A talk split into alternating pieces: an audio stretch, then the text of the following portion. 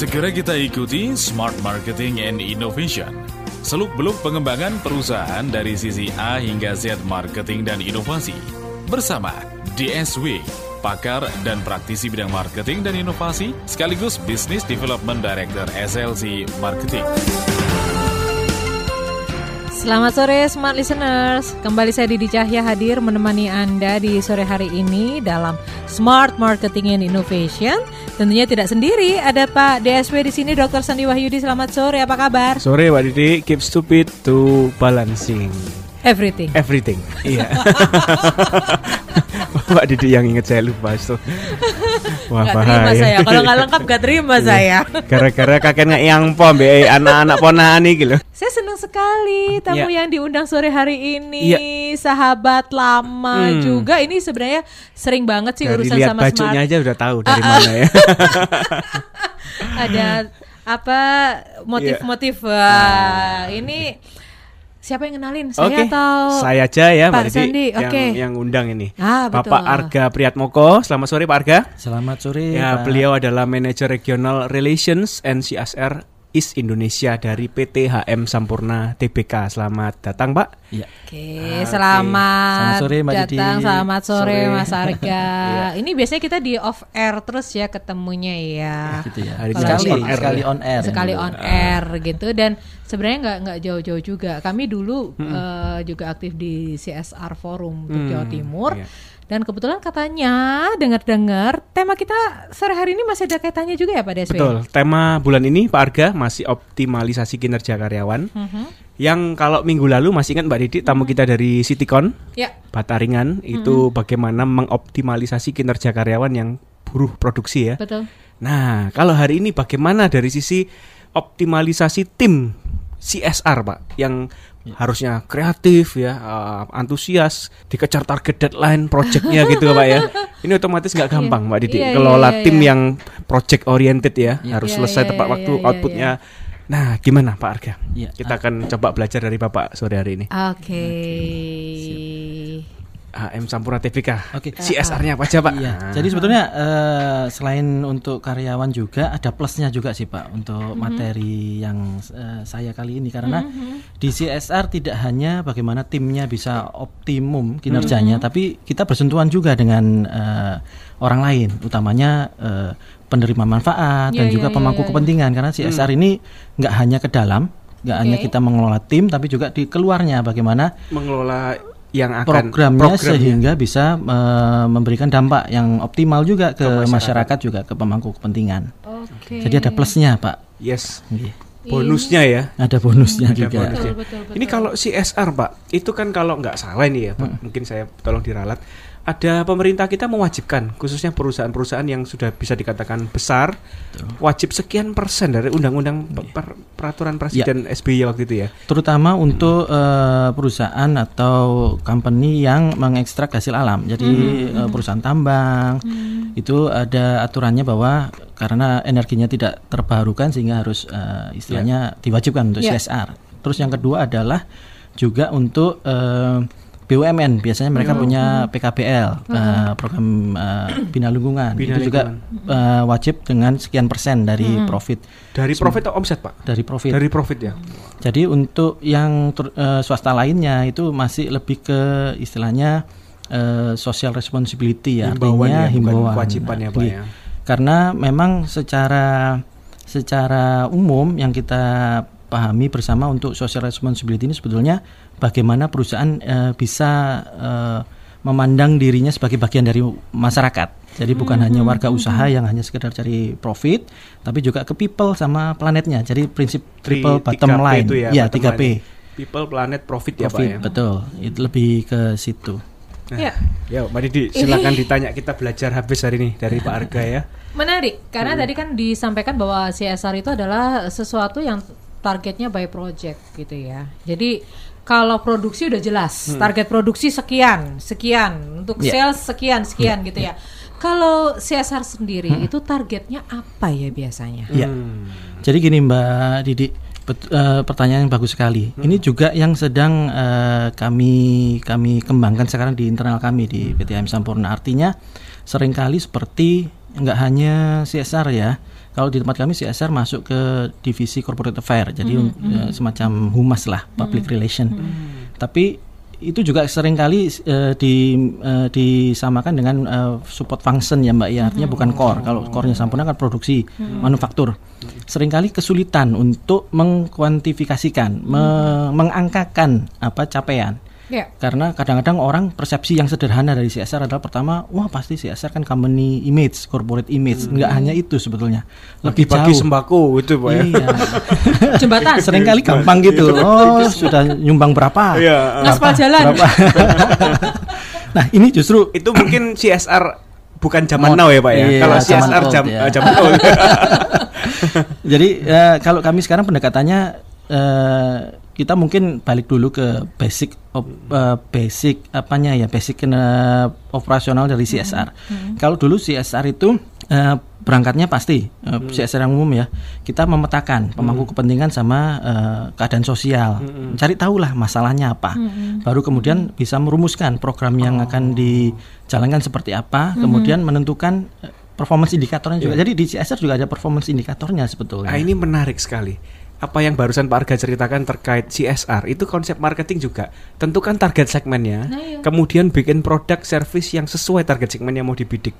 Jangan bikin produk dulu baru cari aku dodolan nang dia. Nah, itu kebalik. Baru sulit Nah, cari pasar. Susah cari pasar nggak bisa jualan akhirnya kan gitu. Maka tadi Pak Arga bilang bikin program CSR, masyarakatnya ini digali. Saat ini mereka punya permasalahan apa yang Ya.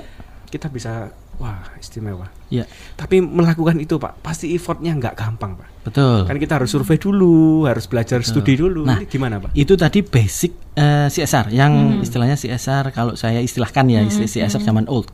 Zaman, lam- Jam- zaman, zaman lama, lama. ya. Zaman zaman lama. now, ya. Dari basic operasional yang seperti itu kadang persepsinya adalah wah CSR ini pasti satu takes time artinya butuh waktu. Kan harus survei dulu Betul, analisa betul. dulu. Kalau dulu orang-orang pasti wah ini kita social mapping paling nggak tiga enam bulan Heeh, baru dapat hasil. Itu belum nanti pro- eh, program developmentnya dan segala macam. Jadi eh, asumsinya orang terhadap program CSR itu pasti waktunya lama. Dua budget yang dibutuhkan pasti besar.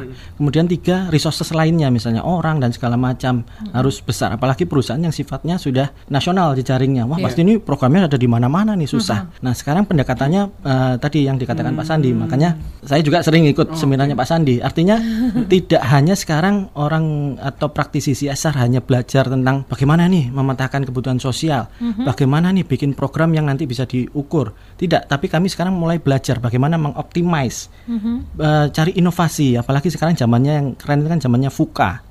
Ya kan? Volatile, Volatility, un- ambiguity dan segala macam. Uncertainty. harus harus gerak cepat. Jadi eh, kami cari cara untuk bagaimana menghilangkan stigma lama ke CSR yang waktunya lama budgetnya besar dan Iya, resource-nya iya. Besar Oke, Eh, ini, ini jadi iya. kenapa sih tadi saya tanya targetnya eh, apa sih gitu Iya. kalau CSR karena kan kita juga harus mengoptimalisasi orang yang ada di dalamnya gimana saya mau tahu apa yang mau dioptimalisasi targetnya aja saya nggak ngerti gitu kan seru loh pak ngomongin Iya. CSR itu Wah, betul. karena setiap tempat setiap area tuh kebutuhannya beda Iya. dan targetnya beda beda banget dengan bisnis yang selama ini kita bicarakan Nah, sedikit mengkulik teori corporate branding. Hmm. Salah satu aktivasinya juga sebetulnya melalui CSR, Pak. Salah satu aktivasinya. Tapi eh, banyak akhirnya stigma negatif bahwa oh ini cuma buat apa Image, pencitraan, iya. image, Hmm, ngasih apa empower, bukan empowerment ya, Pak ya. Sembako tadi Charity, kasar ya. charity, Charity. akhirnya. Nah, ini kan kalau ngomong ngasih charity mungkin pencitraan, Pak. Tapi Iya. kalau mengempower people masyarakat yang tertinggal, wah ini nggak cuma charity, Pak. Butuh effort, upaya, doa, tangis, air mata, Pak. Tenaga ya. Nah, itu gimana, Pak? ceritanya banyak pak Ceritanya banyak ya. Iya. jadi kalau ngomong sama orang CSR itu ceritanya banyak mau cerita model Nah, itu sudah nggak branding lagi menurut saya.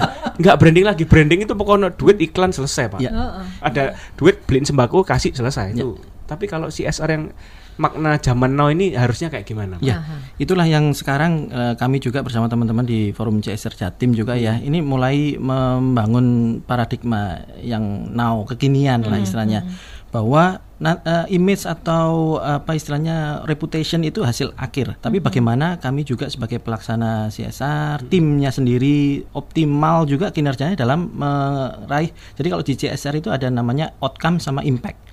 Jadi kalau outcome itu misalnya oh, sudah melatih berapa orang nih, pelatihan berapa orang, kemudian sudah memberikan eh, bantuan apa misalnya. Outcome ini angka ya, Pak. Angka. Ya? Angka ya. Tapi kami juga sekarang mulai mencari impactnya nih, mulai mengukur, mengkuantifikasikan impactnya juga, sehingga eh, selain pelatihan apa sih sebetulnya esensi dari kita kas- berikan pelatihan? Apakah ada perubahan mindset? Mungkin ya after Nah, effect-nya, Pak after ya. effect-nya. After impact effect-nya itu apa? after effect juga multiplier effect-nya mungkin Multiplier effect-nya. kita melatih hanya mungkin 50 orang tapi ternyata 50 ini aktif banget ini Iya. jadi melatih orang lain menginspirasi orang lain Ternyata mereka bisa jadi agent of change kayak Betul. gitu kan. Itu yang itu yang sekarang tadi Mbak Didi tanya ukurannya apa? Nah, itu. itu. Ada Oh. ada dua, Impact. outcome sama impact-nya.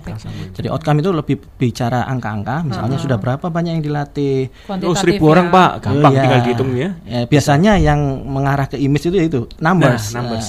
Nah, tapi Brandingnya. impactnya ini story istilahnya kalau impact ini. Hmm. Sekarang kita lebih banyak ngumpulin story, artinya uh, Kisah. before after, Hmm. sebelum apa, sesudah apa, kemudian in- inspirasinya apa. Ya. Sehingga uh, program itu mungkin dari perusahaan mungkin uh, uh, secara budgeting misalnya, secara pelaksanaan hanya berjalan satu tahun, tapi bagaimana dampaknya itu bisa berkelanjutan. Ini tadi Bapak bilang before after. Berarti waktu before CSR kita lakukan, otomatis kita harus tahu keadaan sekarang seperti apa. Betul. Social mapping dan stakeholder Nah. mapping tadi Pak, kita tentukan eh, kondisi sebelum program ini apa nih? Social mapping. Selain kebutuhannya ya, jadi titik A-nya, titik startnya apa? Misalnya keadaan eh, yang bekerja di desa satu desa misalnya berapa orang, penghasilan harian atau bulanan berapa rupiah. Nanti ada intervensi namanya Pak. Program itu intervensi. Jadi kita eh, mereka tetap menjalankan kehidupan sehari-hari, tapi ada intervensi dari program. Misalnya ada pelatihan, ada pendampingan, ada pemberian bantuan infrastruktur support misalnya. Nah, setelah itu kita ukur di akhir program. Namanya istilah bahasa orang CSR-nya monitoring dan evaluasi. Monitoring. Monef lah istilahnya.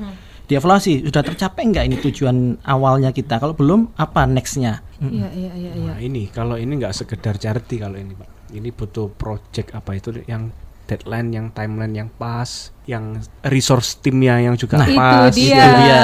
Resource team itu udah kecatat semua nih. itu makanya eh, di tempat kami sekarang untuk optimalisasi tim juga optimalisasi program eh, intinya kalau di tempat kami ketemu tiga tiga hal utama yang Terkait tim ini Pak ya, terkait teamworknya. tim sama eh, tadi tuh eh, impact sama outcome-nya. Jadi di dalam maupun di luar. Di luar. Ada tiga hal pak. Eh, yang pertama adalah time. Biasanya kan orang menganggap wah CSR itu waktunya panjang nih, Oh, pasti lama.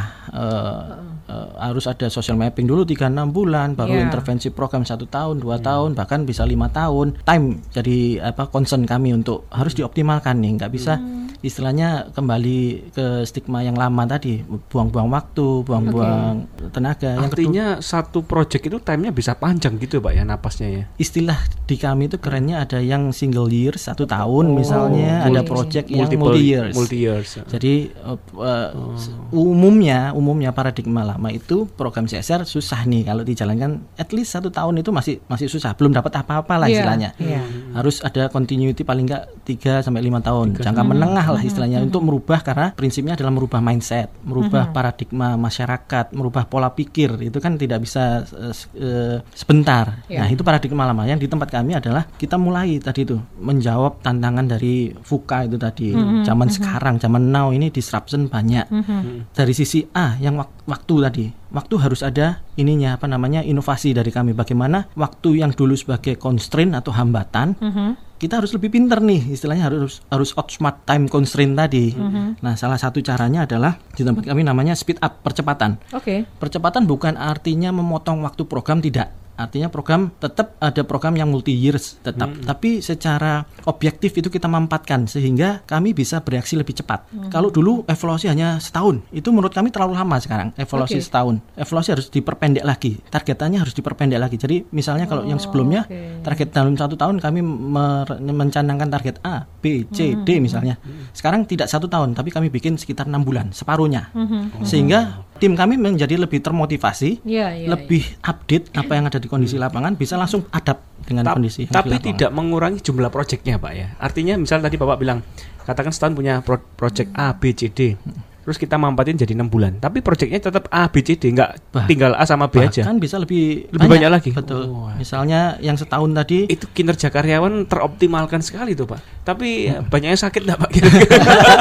Nah itu bicara yang B. Ada- Bicara yang B ya? Tadi masih time-nya saja. Iya. Yang B ada stigma kalau CSR harus wah orangnya harus tangguh nih karena ke pedalaman harus live in apa segala macam. Ya, yang ke- eh, kedua, ini people, resources. Resources. Iya. Resources dari sisi people. Jadi kalau dulu itu apa istilahnya wah ini kalau kerja di CSR ini ya harus Kerja bakti. Ih, istilahnya gitu ya Mbak ya.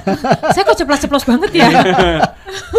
Jadi intinya Loh, pelayanan sosial. Pelayanan. Namanya ada corporate social responsibility. Responsibility. Jadi bukan kerja bakti. Eh, oke. Melayani masyarakat. bahasa bahasa halusnya Pak Sandi itu. Iya. Beliau pintar menghaluskan bahasa. kerja bakti. Nah, dari sisi people-nya ini eh, salah satu yang eh, bukan hanya jumlah ya Pak ya, tapi kita nggak hanya melihat jumlah orangnya, tapi bagaimana orang ini juga bisa bisa mengoptimalkan. Artinya dia nggak harus oke, saya dalam satu minggu harus di lapangan terus enggak sekarang Pak. Kalau di tim kami enggak, tapi kita lebih main strategi. Artinya tadi tuh objektif kita mampatkan, kita tentukan nih eh, targetannya masing-masing orang, kemudian melihat juga orang ini punya apa ya istilahnya ya plus minusnya apa. Minusnya coba kita kita apa namanya eh, Tutupi. lengkapi, Lengkapi. plusnya yang kita manfaatkan. Contoh, ada orang yang memang seneng ngomong sama orang lain, ya nggak kita paksa untuk apa istilahnya ke, eh, dia menyelesaikan report dan segala macam. Dia banyak waktu untuk di lapangan untuk eh, istilahnya engage ya, Iya. berhubungan dengan orang. Kemudian ada yang bagus dalam eh, administratif misalnya, yaitu juga kita kita manfaatkan juga. Oke. Jadi Mappingnya harus jelas untuk orang-orang ini tempatnya di mana. Betul. gitu ya. Apalagi sekarang kebetulan Mbak kalau tim saya ini eh, saya ada dua tim eh, dua dalam tim saya ada dua orang lagi. Oke. Kebetulan saya pegang area Indonesia Timur kan. Heeh, heeh. Eh, sa- jadi pembagian. Jadi kita bagi coba eh, satu kebetulan eh, dua-duanya sama-sama millennials ini baru Hmm. punya energi sebetulnya. Tapi kan energinya itu nggak sama. Iya, iya, ada iya, iya, yang iya, iya. tadi Milenial terucapkan lagi nih. Sepanjang satu Iya. bulan ini, Pak. Karena- ini kelihatannya banyak yang dongkol sama milenial. ya. Justru enggak, ini justru Oh, mau iya. mempromosikan milenial Oh, ini. oke, oke, oke. Artinya mereka punya eh, eh, storage energi yang berlebih. Hmm. Satu storage of energinya, dua storage of ini rasa ingin tahunya. Iya.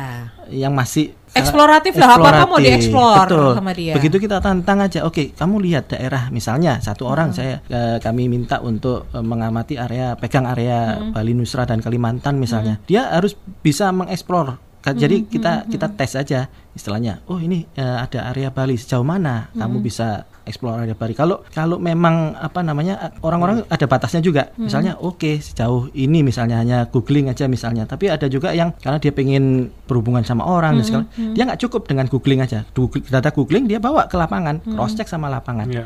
Itu yang harus pinter-pinter eh, mengoptimalisasi resourcesnya itu tadi. Jadi millennials itu tantangan sekaligus opportunity sih mbak. Betul, betul, betul. Peluang betul. sebetulnya. Oke. Menariknya itu adalah selama ini kan kita bicara tentang target yang sifatnya kuantitatif ya. Kalau di obrolan kita sore hari ini bicara tentang outcome gitu ya. Tapi ternyata ada target-target lain kalau kita bicara tentang CSR dan Mas Arga ini memang udah lama berkecimpung di CSR dan sekarang banyak bergerak di Indonesia Timur.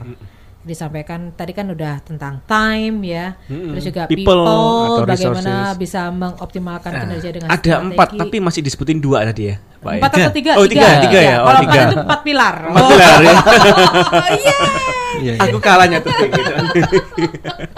ah, boleh kita lanjut yang Silakan, silakan. aspek ketiga, Pak. Yang Arga? ketiga sebetulnya eh, masih kalau kami masih berhubungan dengan resources ya, artinya yang perlu dioptimalisasi. Tadi itu ada stigma bahwa program CSR itu budgetnya pasti gede. Oh, yang Kalau- ketiga budget ini. Ya, budget. Budget Budgetnya ya? pasti gede.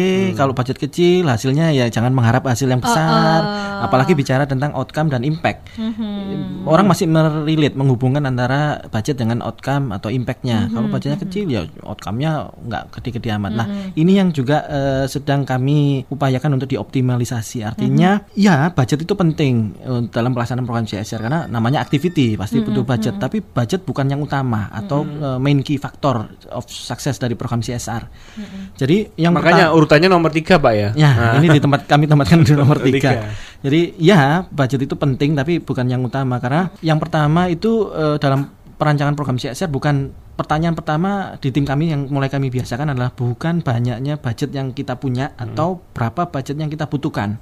Tapi bagaimana nanti begitu kita punya gambaran nih dari hasil social mapping, kemudian eh, informasi ilmu yang kita dapat dari sekitar, kita bikin program kan, program development. Nah, itu baru kita bicara tentang yang istilah kami di internal kami adalah restructuring budget. Structuring budget. Jadi bar- kita tentukan dulu programnya apa, maunya apa, sejauh mana. Ya, Jadi tadi itu outcome sama impactnya kita kita kita formalize dulu, baru ngomongin tentang structuring budget. Jadi bukan eh, oke. saya punya budget segini, programnya apa ya? Ah, Enggak. itu kalau zaman old ya, Pak ya, Zaman zaman lama ya. lampau. Kalau CSR zaman now bikin dulu outcome in- impactnya apa, baru di restur apa itu structuring budgetnya. hubungannya tadi Pak sama people-nya sama millennials ya kalau di tempat kami. Ah, dan millennials itu juga. punya banyak dreams mimpi-mimpi Betul. punya banyak istilahnya eh, niatan suci. Biasanya Iya. millennials itu punya banyak aku pengen membantu istilahnya pengen berperan nih dalam masyarakat dan segala macam. Itu yang kita utilize. Artinya silakan banyak ide apa kita gali baru jangan terbebani dulu wah nanti nggak bisa nih. Makanya cara melatihnya juga di tempat kami Ini untuk- menarik sekali Pak. Kreativitas mereka ditantang dulu ya. Betul, karena meng mengoptimize milenial salah satunya itu mereka Iya. kreatif. Memberi ruang ya buat Yes, mereka kreatif yang ya berarti harus kita utilize nih, kita manfaatkan. Cuma memang ya itu tadi kita tentukan di pertama rules of the Iya, game-nya apa, iya. aturan mainnya seperti apa, seperti itu. Nah, Ini menarik sih. Ya, rules of the game-nya ini yang kadang para pebisnis masih belum tahu milenial ini harusnya diutilisasi dengan cara apa atau dengan aturan kerja macam gimana. Boleh Salah sa- sharing dikit Kak Pak di Siap. Sampurna seperti apa Pak? Salah satunya yang kaitannya sama budget sama people ya Pak, hubungannya adalah sering kali apalagi kami tantangan di Indonesia Timur itu kan Nah ini. Surabaya sama Banjarmasin atau Balikpapan aja nggak bisa naik mobil cus gitu kan, Iya. Harus nyebrang laut segala naik macam pesawat. ada. Tantangan di eh, di area Indonesia Timur adalah areanya luas. Iya. Kemudian eh, link link up dari satu kota ke kota lain juga belum seberapa lancar kayak di Jawa. Bisa naik pesawat dari Surabaya ke Jogja dan kayak eh, mudah. Naik kereta api bisa, naik kereta api bisa, pilihan modalnya banyak. bisa. Nah, itu yang kami tekankan, rule of the game-nya itu bahwa ini areanya luas loh ya. Ah, kita nggak bisa setiap hari. Ah, aku mau ke Banjarmasin ah, tinggal kedipkan mata nyampe Banjarmasin enggak. Jadi Oh, setiap hari masih bisa Pak. Surabaya Banjarmasin banyak flightnya. Flightnya banyak, contoh yang contoh yang keliru saya ini. Barangkali dari Banjar ke kota mana Oh, nah, gitu. agak susah. Boleh nanti dicari. yang penting intinya tadi analoginya Iya, adalah iya, iya, Pak, tahu, tahu, Pak. luas dan luas dan apa istilahnya nggak nggak seperti di Jawa lah Iya. istilahnya. Nah, salah satunya yang kita tantang kreativitasnya bagaimana mensiasati itu tadi jangkauan, kemudian sementara kita pu- punya kebutuhan nih untuk social mapping untuk cari data. Makanya salah satu best practice yang kami ini juga idenya teman-teman juga intinya dari tim adalah mungkin nggak harus langsung artinya gini biasanya kita oke datang aja ke kotanya doing research on field misalnya di lapangan kadang-kadang kal kadang-kala kalau kita dat eh, kita nggak punya pengetahuan yang cukup juga mau cari datanya ke mana juga Malah bias hasilnya. Iya, be- eh, satu mungkin datanya kurang, sudah seharian di sana, berapa hari, dua hari habis budget, kembali masih belum lengkap. Salah satu best practice-nya adalah eh, yang kami usulannya anak-anak juga, simple on desk research. Jadi on desk, jadi tadi itu menyeimbangkan antara kemauan untuk di lapangan sama di meja. Nah di meja ini yang kami kami optimalkan adalah on desk research. Jadi sekarang kan di zamannya atas meja maksudnya. On desk. Ya, betul kan Pak? Betul, di atas meja. On desk research. jadi sekarang zamannya Survei kan data sekunder ya kalau Betul, gitu, Pak, ya. informasi kan Informasi di mana-mana mudah dapat buka apalagi sekarang semua tim sudah dilengkapi laptop apa segala macam. Utilize itu, optimalkan itu dulu. Tanya Mbak Sep- Google, di cross check sama data BPS, data-data yang lain kan sebenarnya bisa cari ya. Betul, jadi kesimpulan-kesimpulan. punya senjata, paling nggak ke sana itu nggak kosongan dan datanya tinggal melengkapi saja, tinggal cari kontak, cari network dan segala macam. Yes. Kira-kira itu contoh. Kalau misal Pak, ini tim Bapak rata-rata udah lama juga ya di AM Sampurna. Tim saya baru pak, jadi ada yang baru dua tahun, ada yang baru setahun ini, Oke. dan itu milenial semua, masih muda-muda. Ya nggak jauh sih sama saya. Selisih jauh Pak. tiga bulan pertama mereka bekerja itu gimana pak ya budaya kerja sampurna terus akhirnya mereka mau mau ikut dan apa sesuai dengan ekspektasi bapak sebagai leadernya mereka Betul. Ini salah satu yang juga eh, jadi perhatian kami ya, artinya onboarding. Jadi proses eh, orang yang baru mungkin ini ini ada perbedaan. Misalnya dia sudah pernah bekerja di perusahaan yang lain misalnya, itu akan beda dengan eh, Fresh fresh graduate. graduate misalnya atau beda juga dengan satu tempat ini tidak membedakan company ya, tapi culture-nya perusahaan-perusahaan kan juga beda antara satu perusahaan dengan perusahaan. Itu juga itu juga akan jadi tantangan saat onboarding. Nah, satu eh, tiga bulan pertama itu lebih ke understanding dulu. Saya ini ngapain sebetulnya? Apalagi di CS tempat kami CSR, sesuatu yang mungkin masih abu-abunya banyak. Kemudian kuantifikasinya juga eh, nggak terlalu banyak. Jadi mengistilahkan eh, istilahnya menjelaskan hingga mereka paham A sampai Z eh, mustahil. Jadi mereka understandingnya yang lebih kita apa namanya kita pahamkan. Kita ber- eh, kita berikan istilahnya analogi-analogi, misalnya contoh-contoh misalnya dari pekerjaan sebelumnya yang mirip dengan apa yang akan dilakukan di sini, misalnya social mapping. Mungkin kami terbuka sebetulnya nggak harus jurusan yang eh, hubungannya dengan CSR atau punya pengalaman dengan CSR. Semua orang bisa di CSR asal tadi itu apa punya sedikit passion lah Yeah. istilahnya sosialnya, kemudian mau berbuat yang lebih dan segala macam. Tapi lebih ke ke understandingnya, kemauan untuk memahami apa social mapping itu seperti apa. memahami budaya kerja internal perusahaan plus sekaligus memahami objek yang akan apa Betul. istilahnya mau dibantu ya Betul. masyarakat yang mau dibantu pak ya Contoh gini, pemahaman mu- ini yang akan berbeda di setiap perusahaan. Artinya bagaimana PT HM Sampurna memahami CSR itu seperti apa. Itu juga perlu Iya. dipahami oleh masing-masingnya. Karena tadi itu sering kali memahami oh CSR eh, corporate reputation, company image dan segala Iya, macam itu charity harus gitu ya. harus dipastikan di tiga bulan pertama mereka paham. understanding tiga bulan Ini eh, termasuk eh, memasukkan nilai-nilai perusahaan dalam waktu tiga bulan itu menanamkan kepada mereka yang baru bergabung Betul. juga. Apalagi gitu ya. kalau CSR ini corporate affairs ya banyak berhubungan dengan eksternal. Mhm. Integrity penting di sini. Jadi apa istilahnya mungkin di function lain atau bagian lain eh, ad- tetap sama ya. Di setiap bagian perusahaan integrity tetap tapi eh, utamanya teng- yang berhubungan dengan pihak eksternal. Itu integrity yang paling kami- biasanya banyak angpaunya soalnya. Ini karena imlek ya. Angpau sedikit. Kami banyak berhubungan dengan pihak eksternal dan segala macam. Jadi itu yang eh, jadi key faktor ya. Baik. Eh tapi seru ya, Iya. CSR tuh ceritanya uhu luar biasa. Eh Iya. tapi Kita belum be- ada cerita di Nah, lapangan kayak apa ya? betul Masih ada yang seru-seru. ayo pak Iya. waktunya bercerita siap kebetulan saya bawa ini wah Apa ini? kami bukletnya salah satu program yang kami develop di- Bontang Samarinda tahun balik ini. papan Oke. Kalimantan Jadi Timur. tadi Step kan up. saya sempat cerita satu time jadi constraint, yang kedua budget, yang sering kali jadi misleading, yang ketiga resources. Ini ada salah satu program kami yang kami eh, apa initiate di akhir tahun 2017 kemarin. Ya. Programnya enam bulan. Biasanya kalau kami bikin program itu hanya satu lokasi, misalnya ya, misalnya kalau di Surabaya, di kota Surabaya, karena mempertimbangkan eh, tadi itu outcome sama Oh iya, impactnya agar impact-nya, bisa ya. fokus dan itu pun jalan kadang-kadang program satu tahun bahkan eh, multi years. Ini kami coba tantangan bagi kami adalah ada poros namanya Kalimantan Timur nih. Kalimantan Timur kalau kita ke sana, tapi itu kemudian kota besarnya justru pusat eh, pusat provinsinya kan di Samarinda. Samarinda. Tapi juga ada namanya kota satelitnya di Bontang. Jadi Iya. itu satu alur. Sangatta juga Ya, sampai Sangatta juga itu satu talur eh, satu jalur eh, Kalimantan Timur. Kami lihat bahwa ini ini akan susah kalau kita bikin program hanya di Samarinda aja. Kita pengen bagaimana nih mengoptimalkan agar kalau kita terbang ke Balikpapan harus ke Samarinda, juga langsung, naik langsung ke ke Bontang. Bontang itu kan satu mengefisiensikan budget tuh sekali terbang tapi tiga kota kena. Ya. Nah, pertama, wah programnya apa nih? Apakah harus beda-beda juga? Bontang sendiri, Samarinda sendiri, Balikpapan sendiri. Tapi berdasarkan pertama on desk research tadi Pak, kita optimalkan on desk researchnya. Kita cari tahu ada nggak benang merah nih antara Bontang, Samarinda dan Balikpapan.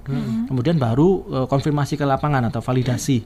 Kita temukan kesamaan. Ternyata masing-masing kota ini ini dulu kan eh, maaf ya, dulu kan produksi, eh, industri yang terbesar adalah tambang. Iya. Eh, industri pertambangan. Sekarang sih mulai bangkit lagi tapi eh, Sempat ya decline trennya lagi ya. decline lah Ah, istilahnya gitu. Komoditi lagi di Komoditi lagi decline. Dan mereka cari alternatif. Salah satu yang potensial adalah ternyata wisatanya. wisata. Inilah yang kita temukan, oh benang merah antara Bontang, Samarinda, Balikpapan wisatanya. Dapat kan? Berarti sekali istilah sekali terbang ini sudah tiga tiga Itu kota. pilar ke berapa itu Pak dari empat pilar Sampurna tadi? dari empat pilar ekonomi ini lebih. Ekonominya ya. Karena eh, kita nggak melihat pariwisatanya, tapi eh, ini pariwisata jadi base-nya, eh, tourism base, eh, economic development lah istilahnya di Bontang itu. Apa di Kalimantan Timur. Program yang kita develop ini kita brainstorm akhirnya bagaimana program wisata ini tetap masalah atau isu lokalnya kena, tapi benang merah secara provinsi Kalimantan Timurnya juga kena. Nah, ini sempet nggak Pak diginiin sama orang lokal? Wah ini rokok ini kita nggak terima rokok Pak.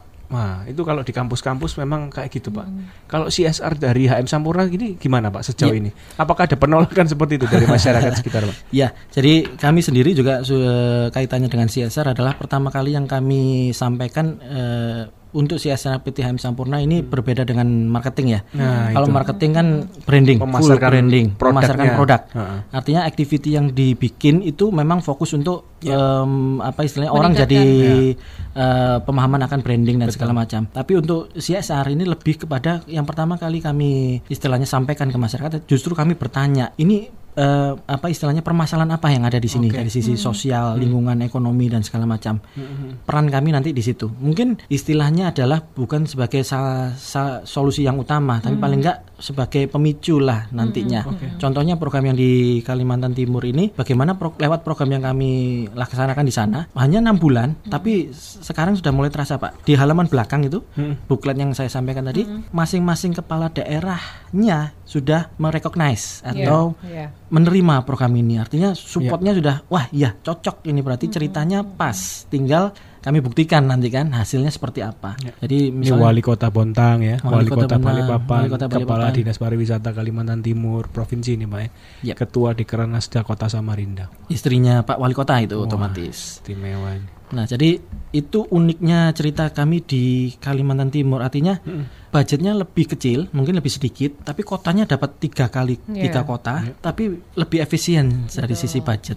Harapannya sih nanti impact sama outcome-nya seperti yang kami eh, rencanakan bisa tercapai juga. Di sini terlihat bahwa memang UKM di sini kaitannya dengan produk yang ada kaitannya juga untuk mensupport wisata. wisata, juga. Iya, karena pariwisata intinya kan bukan hanya spotnya, Mbak. Orang ke sana satu cari spot, Oleh-oleh juga. oleh-oleh juga. Jadi, memang pasar diciptakan di situ melalui Betul. pariwisata. Jadi UKM-nya bergerak juga betul. di situ. UKM-nya Berarti sekarang ini tahap monef Pak ya, monitoring evaluasi Sekarang masih ya? implementasi. implementasi. Masih implementasi sampai nanti bulan Maret. Maret tahun ini. Yep, Maret tahun ini setelah itu monitoring dan evaluasinya jalan.